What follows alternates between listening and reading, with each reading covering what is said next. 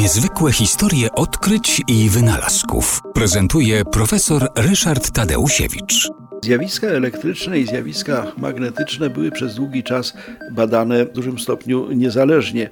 Coulomb badał oddziaływania ładunków elektrycznych, Gilbert badał zjawiska magnetyczne, Faraday badał powstawanie prądu elektrycznego pod wpływem e, manipulacji e, magnesem. Z kolei Ørsted e, wykazywał, że przepływ prądu oddziaływuje na magnesy, ale to wszystko była właściwie taka czysta empiria. Zupełnie nie wiedziano, jak to się wszystko jak gdyby odbywa.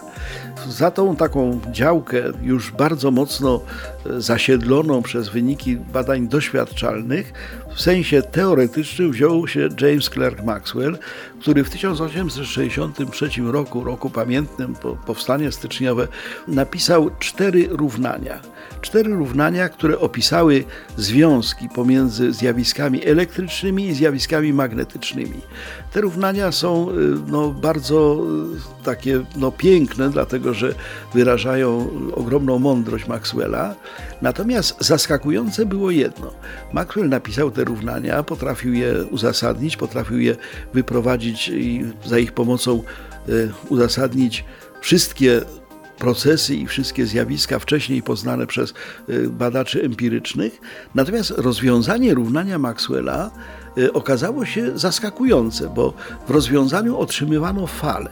Równanie fali, która rozprzestrzenia się dookoła przewodników elektrycznych, fali, która y, towarzyszy zjawiskom magnetycznym, fali, której nikt nigdy wcześniej nie znał ani nie widział.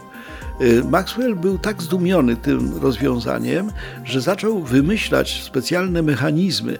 On był między innymi pomysłodawcą tak zwanego eteru, w którym te jego fale miały się rozprzestrzeniać, bo Maxwellowi się w głowie nie mieściło, że te fale mogą się rozprzestrzeniać wszędzie, również w próżni. Tymczasem w ten sposób Maxwell poprzez swoje równania, poprzez rozwiązania czysto matematyczne udowodnił, że w przyrodzie istnieje coś, czego my naszymi zmysłami wykryć nie potrafimy trafimy, a co obecnie nazywa się falami radiowymi.